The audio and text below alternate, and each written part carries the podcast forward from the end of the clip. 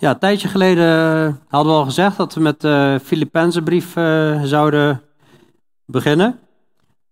Als ik het goed heb, is het de eerste keer bij Huis van God dat we voor een tweede keer een brief gaan behandelen, zeg maar. en ja, toch hadden wij het wel op ons hart, Onno en ik, dat dit goed zou zijn. Ja, we zitten al een soort van in de voorbereidingen naartoe. In de Johannesbrieven uh, zag je al heel sterk de blijdschap in mensen die in waarheid en in liefde wandelden. En uh, vorige keer zag je ook hè, de blijdschap van de vader over wanneer iemand thuiskomt en ja, eigenlijk weer in de relatie met God gaat wandelen. En als je kijkt naar de, de Filipijnse uh, brief, en ja, ik denk dat de meeste boeken uh, commentaren die alleen over de Filipijnse brief gaan of preken, vaak allemaal wel iets van blijdschap in de titel hebben staan. Want ja, je kunt er ook gewoon uh, niet omheen als je de Filipijnse brief leest. Maar wat ook krachtig is, hè, dat Paulus zegt dat het leven voor hem is Christus en het sterven is voor hem winst. En als we ook zondag weer hebben gekeken naar wie is Jezus, ik vind het zo geweldig om daar opnieuw bij stil te staan bij wie Jezus is. Ja, want hij is onze redder, hij is onze maker, hij is onze, ja, hij is onze Heer en onze leider van de gemeente. En er is gigantische blijdschap in, uh, in hem. En we zullen zien dat Paulus er ook echt alles voor over heeft. Dat het niet zomaar een kreet is, hè, dat het leven voor hem Christus is, een ster winst. Maar goed, um, Filippi, dat ligt in Griekenland, in het noorden. Vandaar de Filippenzen. Filippenzen waren de inwoners van Filippi. En uh, ja, die gemeente is gestart in de tweede zendingsreis. Die spaghetti-brei, dat zijn de zendingsreizen van Paulus. Op de tweede zendingsreis, grote zendingsreis, heeft hij gedaan door wat wij nu ja, Turkije en Europa, eh, deel Griekenland in ieder geval, noemen. En uh, ja, hij heeft daar heel veel mensen tot geloof mogen brengen, kerken mogen planten en uh, ja, hele mooie dingen mogen doen. En uh, in ieder geval in Handelingen 16 staat het verhaal omschreven van ja, wat er gebeurd is in, in Filippi, hoe mensen daar het geloof hebben aangenomen.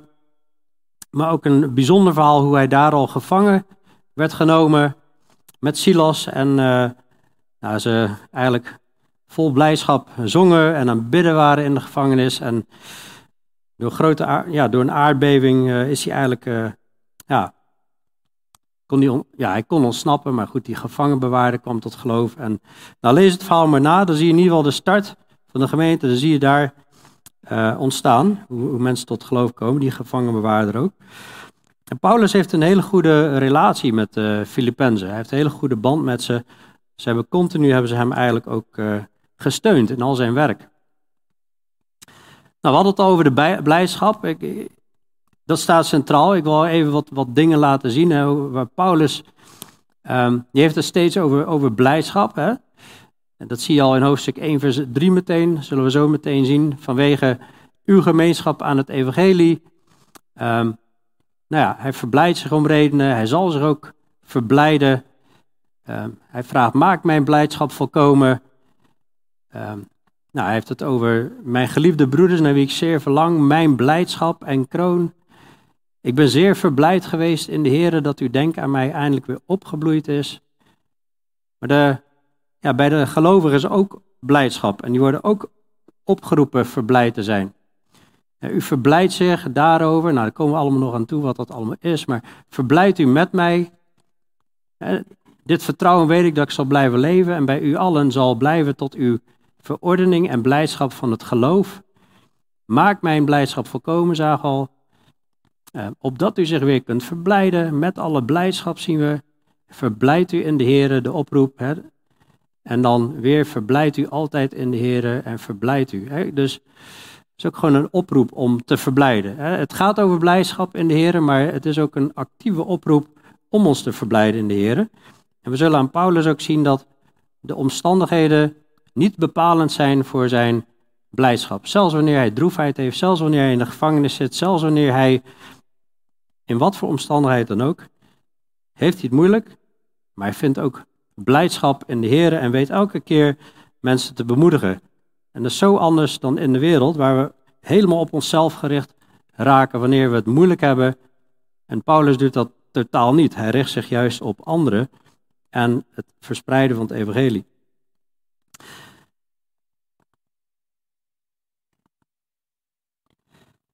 Nou goed, in, uh, in onze tijd heb je heel veel van die predikers, hè, die, uh, nou, de meeste kennen wel, Joel Osteen, heeft een uh, gigantische optrek. Dat is echt niet meer normaal. En die presenteert eigenlijk van, ja, dit is eigenlijk wat het evangelie brengt. Dit is, dit is het evangelie zal je goedheid brengen en welvaart en gezondheid. En nou, hij heeft zelfs van zijn boek een expanded edition, nog meer, hey, nog meer welvaart. En dan ga je de Bijbel lezen en dan zie je dit. Dit is eigenlijk wat je in de Bijbel ziet. Mensen die gestenigd worden, mensen die geslagen worden, mensen die verdrukking hebben, in de gevangenis gegooid worden. En vooral ook als je kijkt naar onze leider, de Heer Jezus, hoe hij beschimpt is, hoe hij bespot is, hoe hij tegenwerking gehad heeft en uiteindelijk gewoon compleet afgeslacht is. Maar hij zag ook de vreugde die in het vooruitzicht was. En dat is wel echt de kern van vandaag. Ook in Filippenzen 1 komt dat, als ik het zo zie, in ieder geval al hard binnen, die, eh, die boodschap. Dus uh, ja, laten we beginnen met vers 1. Paulus en Timotheus. Paulus met zijn trouwe dienaar Timotheus, die altijd een meearbeider was. Zij samen schrijven die brief, dienstknechten van Jezus Christus, aan al de heiligen in Christus Jezus die in Filippi zijn met de opzieners en diakenen. Genade zij u en vrede van God onze Vader en van de Heere Jezus Christus. Nou, zoals al vaker zeggen, die introductieversen zijn vaak de versen van, uh, waar je even overheen leest. Dat je denkt, oh ja, ja, dat is nog niet de kern, dat komt straks pas. Maar toch staan hier al hele bijzondere dingen in. Want zij presenteren zich als dienstknechten van Jezus. Als dienaren. Hè, als degene die zijn wil willen doen.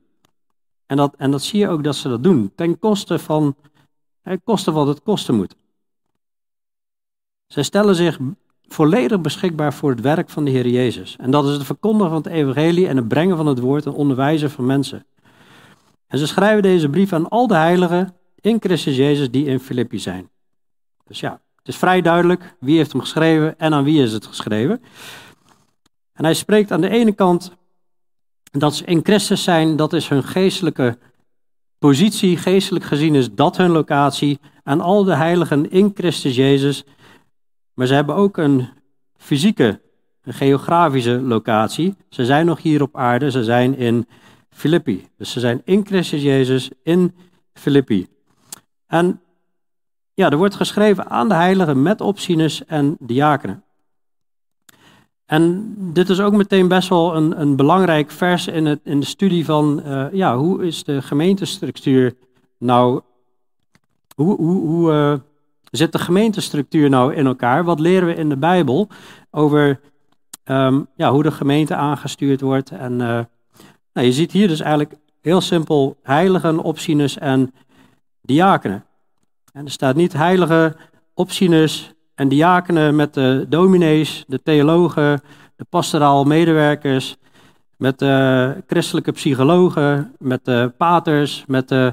Nou, en ga zomaar door. De gemeente is opgebouwd uit heiligen, opzieners en diakenen. Of opgebouwd, dat is in ieder geval de um, rollen, laat ik het zo noemen, die, die voorkomen. En natuurlijk zijn opzieners en diakenen ook heiligen. maar de, de opzieners, ja, toen ik net in de bouw kwam, was dat nog best wel een term in de bouw. Een, een opziener, die hield toezicht, die leidde de bouw, zeg maar. Die had een, een, een overzienende rol. In Engels hoor je, eh, je ook wel, gebruiken ze ook wel de term overseers. Die overziet eigenlijk het geheel. Dat is eigenlijk een andere term voor ouderling, dat wordt wel uitgewisseld. Samen met diakenen, diakenen, nou dat hebben wij nog niet bij Huis van God, maar op het moment dat Onno en ik um, in problemen komen met tijd en alles en uh, nou, het werk niet meer aankunnen, dan zou een moment kunnen zijn hè, dat we gaan kijken, hey, moeten we diakenen aanstellen? Hè? Dat zie je in Handelingen 6 eigenlijk ook, hè, dat de apostelen komen niet meer toe aan de prediking en aan het woord en dan stellen ze diakenen aan. in ieder geval mensen die daar gaan helpen. Maar daar wil ik nu niet heel lang bij stilstaan, maar in ieder geval eh, wel een belangrijk punt, uh, een belangrijke tekst in die, in die studie. En dan zien we weer genade en vrede van God. Genade zij u en vrede van God. Nou, we hebben twee zondagen stilgestaan bij wie is de Vader en wie is de Heer Jezus. En de Vader is degene die het brein is achter alles en Jezus voert het uit. Hij is het gezicht van de Vader. Beide zijn God. En we mogen van hun genade en vrede van God ontvangen. Maar wel als we in Christus Jezus zijn. Wel als we in het geloof wandelen. En in zijn woorden. En dan zegt hij, ik dank mijn God telkens wanneer ik aan u denk. In elk gebed van mij voor u allen bid ik altijd met blijdschap. Dus hij dankt zijn God telkens wanneer ik aan u denk.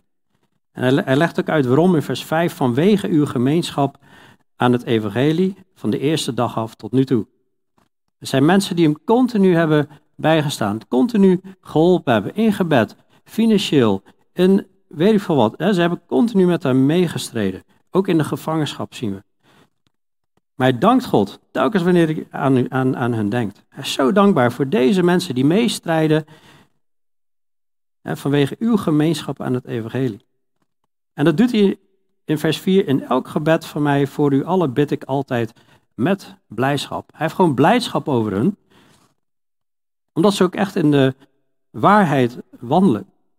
Je ziet in deze brief eigenlijk uh, nou, niet echt hele grote problemen in de gemeente. Er wordt wel nog gewaarschuwd voor nou, een aantal uh, valse leraren die rondlopen. Maar ja, het is een vrij uh, opbouwende brief, zeg maar. Hoewel vermaningen ook opbouwend zijn. Maar het gaat gewoon vooral veel over de blijdschap. En, en hoe blij Paulus is met deze gemeente. Waarbij we in vers 6 ook meteen een, een, een hele bemoedigende tekst zien. En een vrij bekende tekst ook. maar dan zie je ook de, de, de contexten van. Hij zegt: Ik vertrouw erop dat hij die in u een goed werk begonnen is, dat voltooien zal tot op de dag van Jezus Christus. Dat is een geweldige bemoediging. En ja, de herziene statenvertaling die vertaalt dat als ik vertrouw erop. En ja, in onze Nederlandse, hè, gewoon in, het dagelijkse uh, spreken, um, klinkt dat nog, vind ik dat nog vrij zwak klinken. Hè, van, nou, ik, ik heb er wel vertrouwen in dat dit of dat uh, goed gaat komen of zo. Dat klinkt soms nog als een beetje een misschien, maar het, het kan ook vertaald worden zoals de MBG ook doet. Uh, van, ik ben er ten volle van overtuigd dus je moet het eigenlijk zien als een vertrouwen op de Heer met heel je hart, in geloof wandelen en, en ten volle overtuigd zijn. Ik ben ten volle overtuigd dat Hij die in u een goed werk begonnen is, dat voltooien zal tot op de dag van Jezus Christus. En een goede werk is natuurlijk allereerst in Christus beginnen. Ze hebben gemeenschap aan het evangelie. In hoofdstuk 4 zie je dat ze hem financieel hebben geholpen, Hij kan zich over hun verblijden hoe ze wandelen.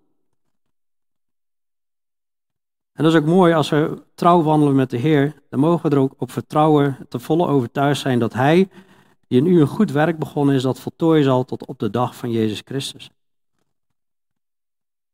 Sowieso, als je werkelijk opnieuw geboren bent, mag je erop vertrouwen. Je wandelt met Hem en dat God het werk zal voltooien tot op de dag van Jezus Christus. Naast deze tekst hebben we natuurlijk nog veel meer teksten. ik wil ook, uh, ik heb niet zo heel veel teksten meer op het scherm, dus ik wil wat meer bladeren naar de tekst, naar Johannes 6. Soms heeft dat het voordeel dat je wat sneller door de teksten kan als het op de beamerscherm is, maar het is ook wel eens goed om gewoon teksten op te zoeken. Johannes 6, Je zou vanaf vers 37 kunnen lezen, maar ik, stap nu even in, in vers 39 in. Johannes 6, vers 39. Dit is de wil van de Vader die mij gezonden heeft, dat ik van alles wat Hij mij gegeven heeft niets verloren laat gaan, maar het doe opstaan op de laatste dag. En dit is de wil van Hem die mij gezonden heeft, dat ieder die de Zoon ziet en in Hem gelooft, eeuwig leven heeft, en ik zal Hem doen opstaan op de laatste dag. Dus God is bezig met een werk. Het is de wil van God dat Jezus ja, degene bewaart die God gegeven heeft. Hij zal ze doen opstaan op de laatste dag. En in 1 Petrus 1 vers 5, daar zien we dat we worden, het gaat over wedergeborenen. U immers wordt door de kracht van God bewaakt door het geloof tot de zaligheid die gereed ligt om geopenbaard te worden in de laatste tijd. Dit is een, is een, tekst die is zo belangrijk in mijn leven. Gewoon te weten, dit is een tekst die moet je echt in je hart prenten. Te weten dat we door de kracht van God bewaakt worden door het geloof tot de zaligheid. Die klaar ligt om geopenbaard te worden in de laatste tijd. Het is gewoon belofte dat God ons bewaart door het geloof. En door de kracht van God worden we bewaakt door het geloof. Dus er zijn meer teksten die duidelijk maken dat God die goed werk begonnen is, dat voltooien zal tot op de dag van Jezus Christus. En vaak wordt deze tekst geciteerd. Ik vertrouw erop dat hij die nu goed werk begonnen is, dat voltooien zal. Dus vaak wordt hij zo geciteerd. Moet maar eens opletten. Maar dan denk ik, ja, het, het, het werk voltooien zal. Dan zou je kunnen denken, nou oké, tot je laatste adem. Maar dat is niet wat hier staat. Het werk is pas gereed op de dag van Jezus Christus. Dus ik geloof dat dat de dag van de opstanding is. Ik vertrouw erop dat Hij die u goed werk begonnen is, dat voltooien zal tot op de dag van Jezus Christus. Dan is het werk echt voltooid. Wanneer wij een nieuw lichaam hebben, wanneer we bij de Heer zijn, wanneer we een onvergankelijk lichaam hebben en voor eeuwig bij de Heer zullen zijn in een onvergankelijke staat. Een nieuw lichaam. Zonder kwalen, zonder problemen. Enorme bemoediging. Dan gaat hij verder in vers 7. Het is immers voor mij terecht dat ik dit van u allen denk, omdat ik u allen in mijn hart heb als deelgenoten in mijn genade, van mijn genade. Ik doe hem even opnieuw. Het is immers voor mij terecht dat ik dit van u allen denk, omdat ik u allen in mijn hart heb als deelgenoten van mijn genade. Zowel in mijn gevangenschap, en dan zie je dat hij gevangen zit, als in de verdediging en bevestiging van het evangelie.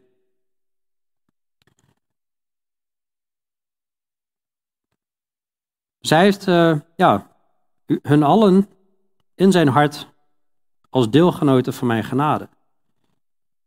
En die genade, hij spreekt over zowel in mijn gevangenschap als in de verdediging en bevestiging van het evangelie.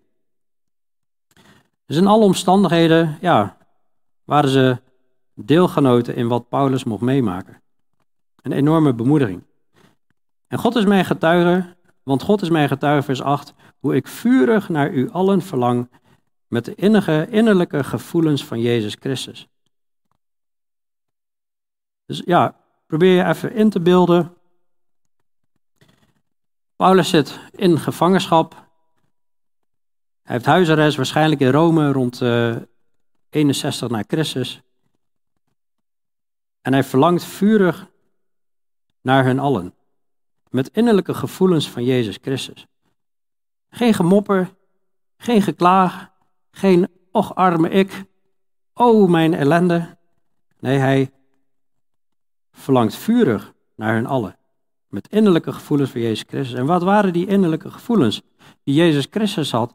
Dat waren de gevoelens dat hij bereid was om zijn leven te geven voor zijn vrienden. En zie je eigenlijk ook, ook bij Paulus. Hij, hij is een dienstknecht van de Heer, bereid om alles te geven. Waarom? Voor de mensen omheen, om ze, om ze te redden. In eerste instantie God dienen, maar ook om mensen te redden en ze op te bouwen in het geloof. En hij verlangt vurig naar ze met innerlijke gevoelens voor Jezus Christus. En dan gelijk de toepassing van hoe vurig verlangen wij naar elkaar met innerlijke gevoelens van Jezus Christus. Dat we ons mogen ontfermen, dat we alles voor elkaar over mogen hebben, dat we ons leven mogen geven voor onze broeders. En dan zit ik in de voorbereiding ook mijn eigen hart te onderzoeken en dan denk ik, ik heb nog steeds heel veel te leren. Ik zie nog steeds verbetering. Ik zie nog steeds groeimogelijkheden en falen en ik wil meer van die liefde, meer, meer van die innerlijke gevoelens, meer vurigheid naar het verlangen naar jullie. En dat is er gelukkig al, maar meer. En ja, daar komt hij ook bij. Hè? Van in, in, vers, in vers 9. En ik bid dat uw liefde, dat is zijn gebed. Paulus is dus echt een bidder. Hè? Je ziet continu tussendoor dat hij een bidden is. In vers 3 en in vers 9. En ik bid dat uw liefde nog steeds overvloediger wordt in kennis en alle fijngevoeligheid. En je zou denken, ja, dit zijn van die teksten die moet je aan de Korinthe gemeente uh, preken. Ja, jullie liefde moet overvloediger worden, want uh, jullie maken er een puinhoop van. Nee, ook bij de Filippenzen, die er niet zo'n puinhoop van lijken te maken, bidt hij dat uw liefde nog steeds overvloediger wordt. Volgens mij kunnen we nooit een, een maximum halen in overvloedig zijn. Hè? Dat uw liefde nog steeds overvloedig wordt. Maar het is ook liefde in kennis en alle fijngevoeligheid. Het is niet alleen maar een goed gevoel hebben. Het is, ik bid dat uw liefde nog steeds overvloediger wordt in kennis en alle fijngevoeligheid. Dat is, dat is natuurlijk ook liefde op basis van Gods woord. En dat we zijn wil kennen, zijn wil onderscheiden, weten wat Hij fijn vindt. Wie mij geboden heeft en ze bewaart, die het die mij lief heeft, zei Jezus. Dus op basis van wat Hij zegt, hebben we lief. En alle fijngevoeligheid. Op alle gebieden van ons leven mogen fijngevoelig zijn naar anderen.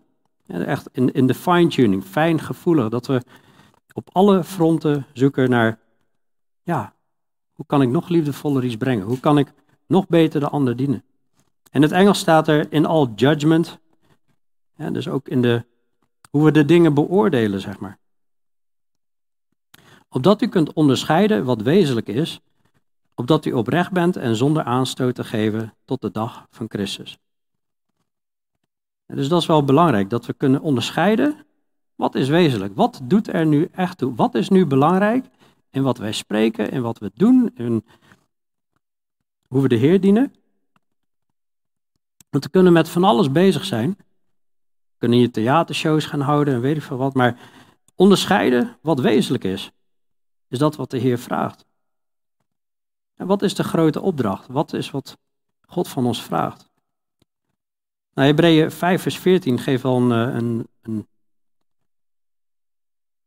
een interessante tekst. Eh, gezien de tijd hadden sommigen dus leraars moeten zijn. En dan zegt hij op een gegeven moment in Hebreeën 45, maar voor de volwassenen is er het vaste voedsel, voor hen die hun zintuigen door het gebruik ervan geoefend hebben om te kunnen onderscheiden tussen goed en kwaad. Ze groeien naar geestelijke volwassenheid, dan is er vast voedsel.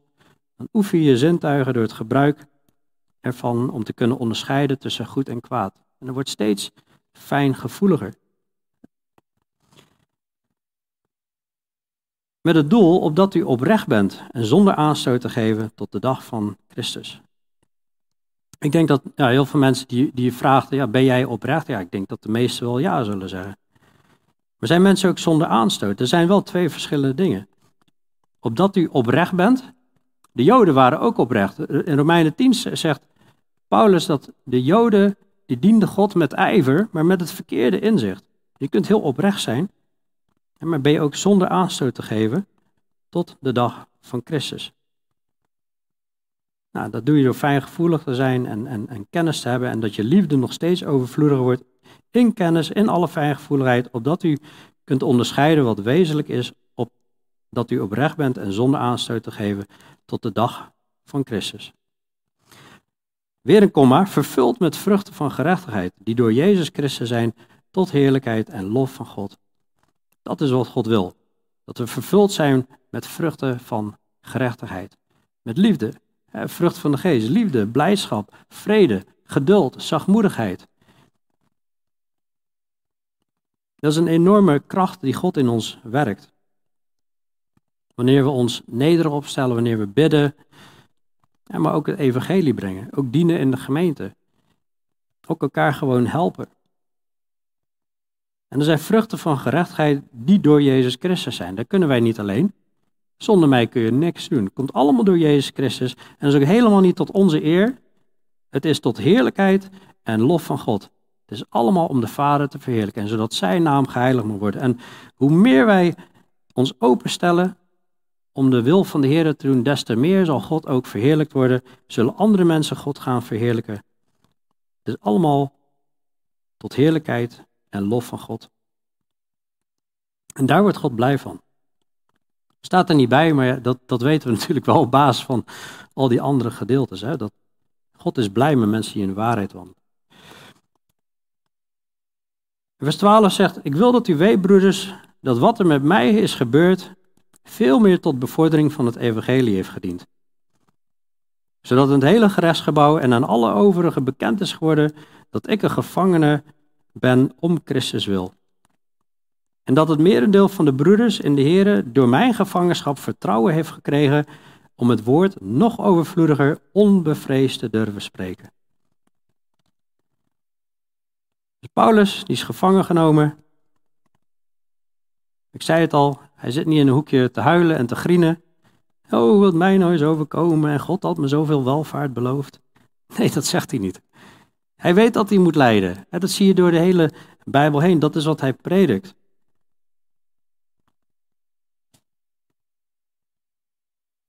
En ze kunnen denken, man, wat een, wat een, wat een tijdverlies, wat een verspilling van tijd. Dan zit hij in de gevangenis, hè, die, oh zo, die welbekende prediker.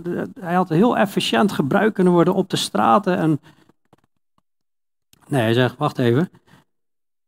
Ik wil dat u weet, broeders, dat wat er met mij is gebeurd, veel meer tot bevordering, veel meer tot bevordering van het evangelie heeft gediend. Bij God is geen tijdverspilling. Ja, oké, wij kunnen wel tijd verspillen, maar bij God is, het geen, is er geen tijdverspilling. Hij laat alle dingen meewerken ten goede voor hen die hem liefhebben. En dat is zo mooi. Terwijl hij gevangen zit, hij schrijft nog steeds brieven. Hij bemoedigt nog steeds mensen. En tegelijkertijd verkondigt hij het evangelie. Hè, zodat in het hele gerechtsgebouw, dat was een pretorium, en een soort Roomse senaat, een soort ja, hoogste kamer, zeg maar, waar allemaal overleggen plaatsvonden, waar ja, tegenwoordig zouden waar de stropdassen zitten, om het zo maar te zeggen. Het hele gerechtsgebouw en aan alle overigen bekend is geworden dat ik een gevangene ben om Christus wil. Dat hij niet meer zomaar gevangen is als hij, als hij heeft uitgelegd dat hij een gevangene is om Christus wil. Nou, Paulus kende, dan heeft hij zijn boodschap uh, wel even gebracht daar. Maar ook dat het merendeel van de broeders, vers 14, in de Heer door mijn gevangenschap vertrouwen heeft gekregen om het woord nog overvloediger, onbevreesd te durven spreken. Je houdt het niet voor mogelijk wat een bemoediging je bent voor mensen wanneer jij door verdrukking gaat, wanneer jij door moeilijkheden gaat, wanneer jij het zwaar hebt en toch volhoudt. Niet klaagt, niet moppert, maar blijft doorgaan met evangelie verkondigen. Ik heb wel eens vaker verteld over uh, Richard uh, Woerenbrand die in Roemenië in tijd van communisme gevangen genomen werd, 9 tot 14 jaar in gevangenschap heeft gezeten. Toen communisme opkwam, hij was degene die tegen al die voorgangers, die zich lieten omkopen door de communisten, om maar het woord van God te gaan verdunnen. Hij stond op in een zaal vol met voorgangers en, en, en, en vurig predikte hij dat het woord van God krachtig gebracht moest worden. En dat was uh, voor heel lang zijn laatste openbare preek. Hij is gemarteld maar wat is die man een, een getuigenis? Een getuigenis naar zoveel vervolgde christenen over de hele wereld. Die bemoedigd worden door die verhalen. Ik heb de, ik heb de tekenfilmen van gezien met mijn kinderen in de fakkeldragers. En ik zat, me, ik zat met tranen op de bank. Zat ik het verhaal te bekijken van Richard Wurmbrand. Er is ook een uh, film over gemaakt overigens, dus uh, wel een aanrader. Maar dit heeft ertoe geleid, die gevangenschap van Paulus, dat andere mensen nog overvloediger, onbevreesd durven te spreken. Hij is een krachtig voorbeeld geweest. Ja goed, dan heeft hij even een stukje waarvan we niet precies weten wat hier aan de hand is. Hij zegt, sommige prediken weliswaar Christus uit afgunst en ruzie, maar anderen ook uit welwillendheid. De eerste verkondigen Christus wel uit eigen belang, niet zuiver, met de bedoeling aan mijn gevangenschap verdrukking toe te voegen. Er waren blijkbaar ook nog predikers die Christus predikten uit afgunst en ruzie. Anderen deden het wel uit welwillendheid. Maar die hadden ook nog de bedoeling om aan zijn gevangenschap verdrukking toe te voegen. Dat hij het nog moeilijker kreeg. Misschien omdat hij het allemaal moest aanhoren wat er gebeurde. We weten niet precies wat er aan de hand is. Maar de laatste doen het uit liefde, omdat zij weten dat ik tot verdediging van het evangelie aangesteld ben.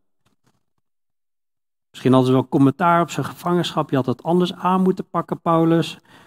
Of misschien was er wel afgunst over dat Paulus meer kerken had geplant of uh, meer discipelen had in zijn kerken. We, we, weten het niet, maar er was in ieder geval iets gaande.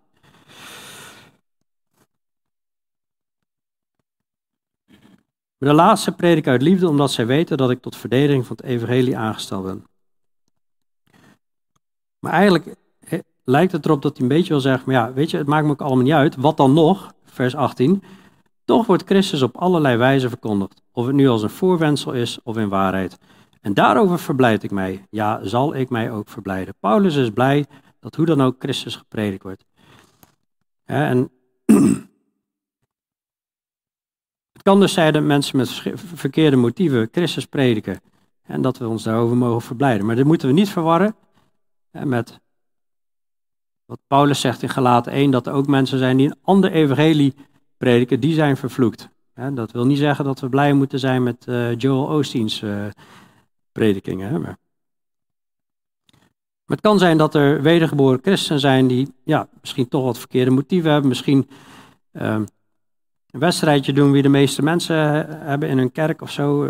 Jaloers zijn omdat anderen, je weet het niet. Maar in ieder geval, hij is toch blij dat dan in ieder geval de waarheid gepredikt wordt.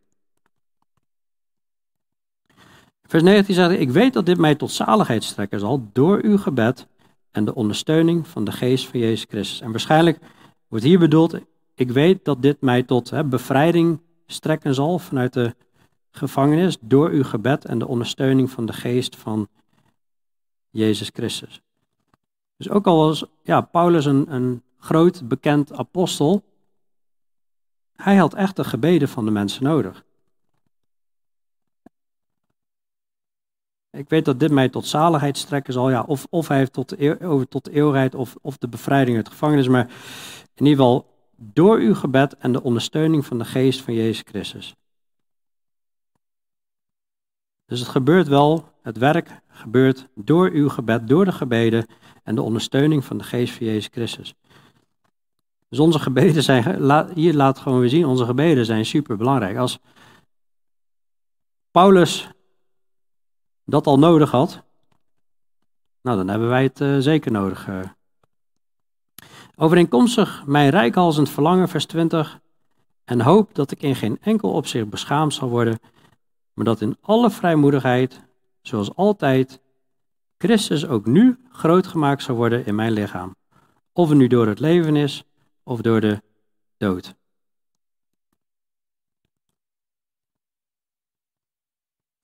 Ja, Paulus die wenst dat he, ook door die gevangenschap, ook door zijn moeite, gewoon God groot gemaakt zal worden in zijn lichaam. Of, of, of ik nu nog leef of dat ik voor hem moet sterven. Hij wil dat Christus groot gemaakt zal worden. En dat hij in geen enkel opzicht beschaamd zal worden maar dat in alle vrijmoedigheid, zoals altijd, Christus ook nu groot gemaakt zou worden. In alle vrijmoedigheid wil hij Christus groot maken. Ofwel levend, ofwel dood. Kunnen wij dat zeggen? Dat wij Christus willen groot maken met alle vrijmoedigheid, of we nu leven, of dat we nu voor Hem moeten sterven. Wij hebben niet te maken met vervolging of, of gevangenschap nog. Dat, het lijkt vrij rustig hier, maar als dat komt, waar zijn we toe bereid?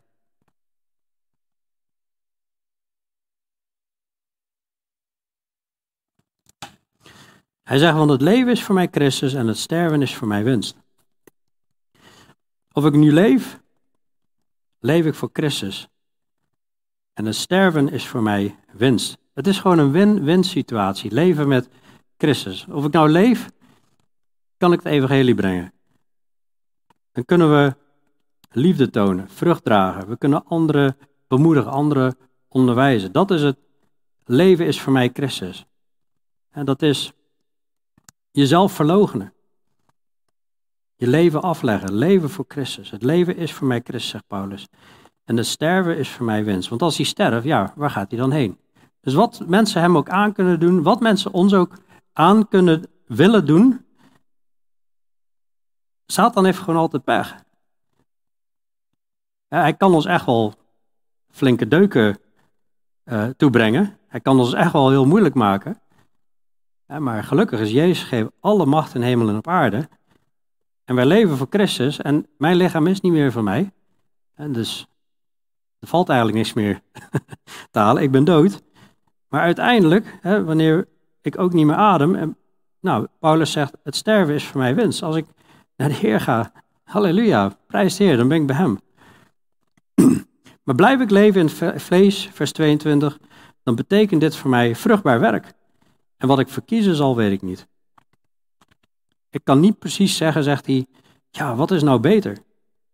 Leven in het vlees en een vruchtbaar werk, ja, of sterven. Maar stiekem weet hij het wel, hè, dan gaat hij eigenlijk mee verder. Ik word door deze twee gedrongen. Ik heb de begeerte om heen te gaan. Ja, ik wil aan de ene kant wil ik naar Jezus en bij Christus zijn. Dat is verreweg het beste, natuurlijk. Zonder zonde, geen last van de duivel. Dat is verreweg het beste. Daar hoeven we niet al lang over te hebben, denk ik. Maar in het vlees te blijven is noodzakelijk voor u. Oh, hoe kan ik jullie nog bemoedigen? Hoe kan ik jullie nog dienen? Hoe kan ik nog meer mensen tot de Heer brengen? En dit vertrouw en weet ik dat ik zal blijven leven en bij u allen zal blijven. Tot uw vordering en blijdschap van het geloof. Maar kijken, dat heeft hij voor ogen.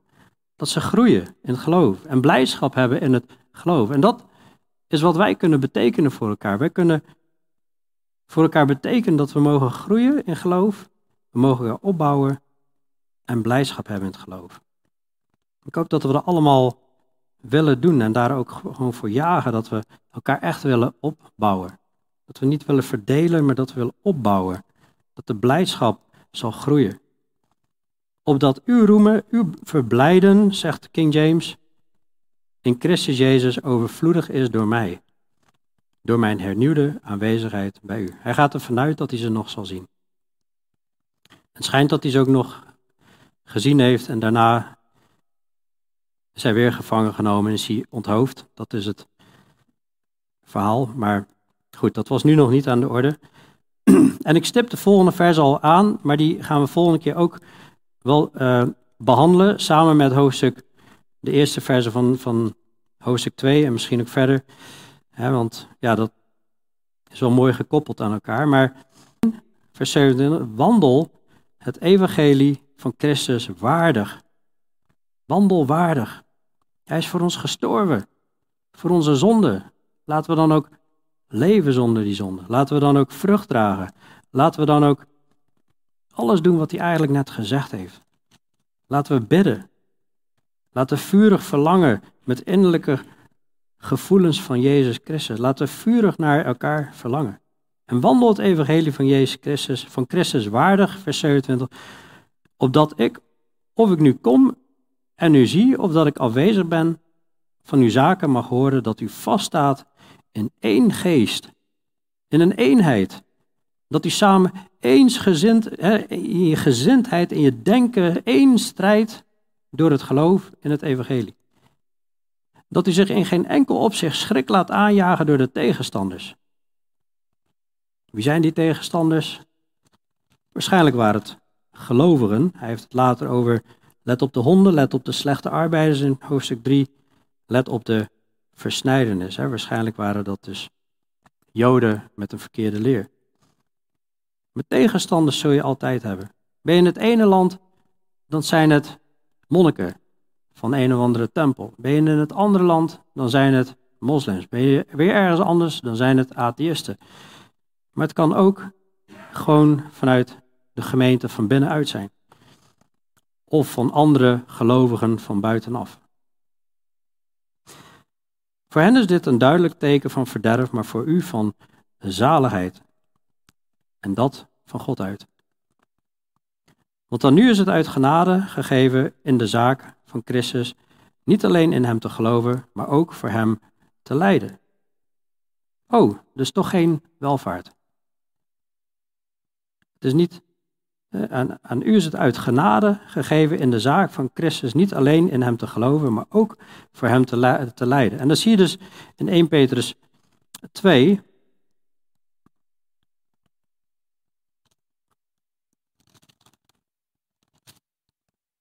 In 1 Petrus 2, dus in, in, in vers 20 en 21, of eigenlijk vanaf vers 19, staat: Dat is genade als iemand om het geweten van God voor God dingen verdraagt die hem pijn doen en daarbij ten onrechte leidt.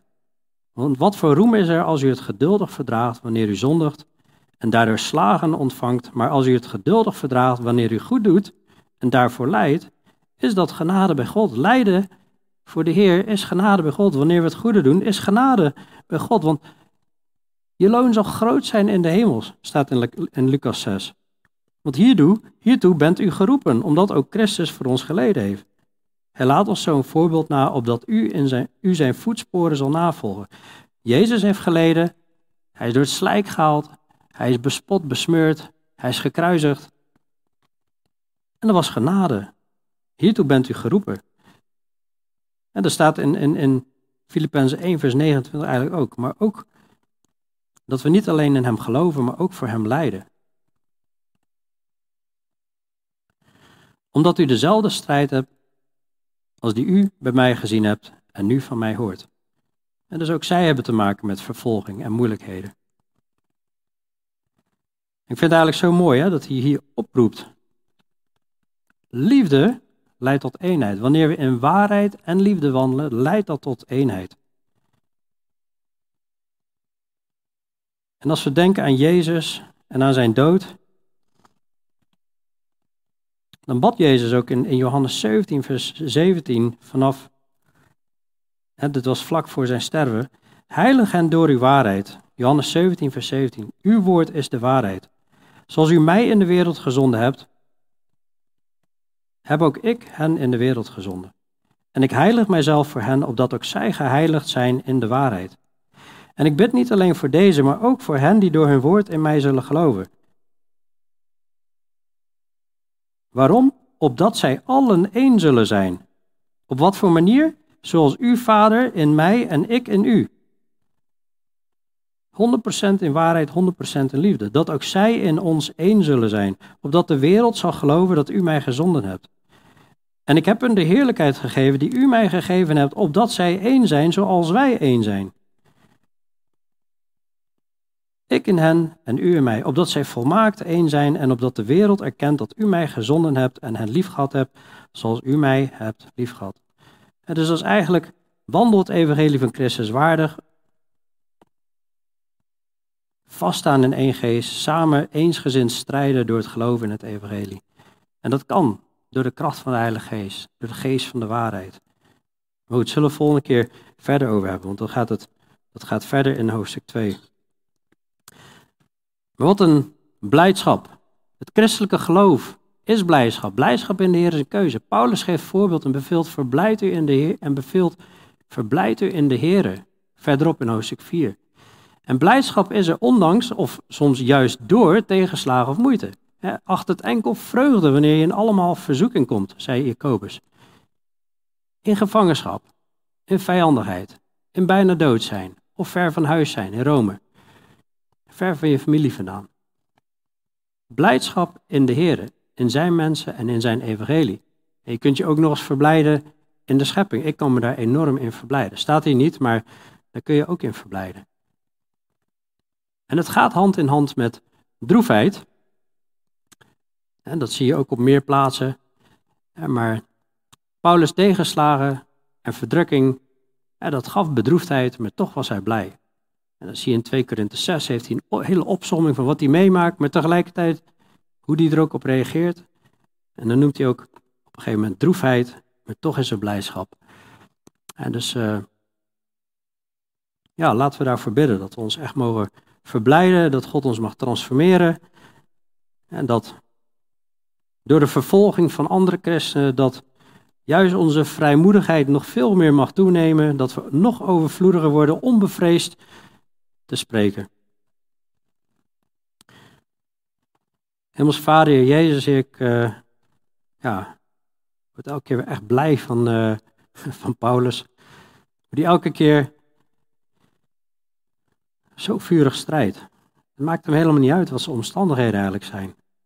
Hij grijpt elke kans aan om het evangelie te verkondigen. Dat is zo'n mooie les, Heer. Wilt u ons ook zulke mensen maken? Dat, dat, Waar we ook staan in het leven. Of nou goed gaat of niet goed gaat. Of we verdrukt worden of niet verdrukt worden.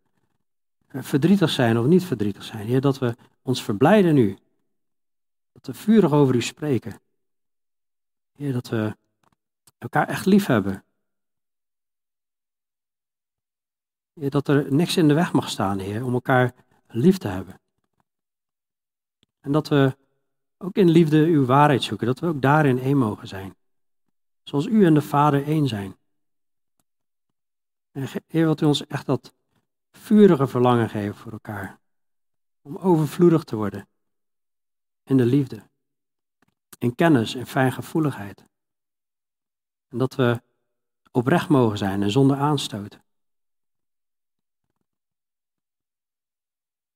Heer, wilt u ons helpen dat we echt leven met het besef dat het leven voor ons Christus is.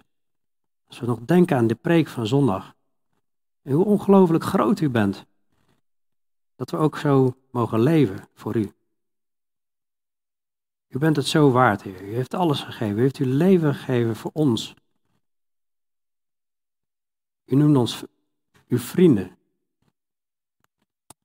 U wilt ons ook helpen om zo'n liefde in ons te dragen, dat we ons leven mogen geven voor onze vrienden. En dank u wel dat uh, u die in onze goed werk begonnen bent, dat volleinigen zal. Tot op de dag van Christus, tot op de dag van de opstanding. Wilt u ons dichtbij u houden en ons zo beschermen en bewaken en bewaren. En dank u wel, Heer, dat, uh, dat u ons ook echt bewaakt, dat we dat mogen zien in uw woord. Daar prijzen we uw grote naam voor, Jezus' naam. Amen.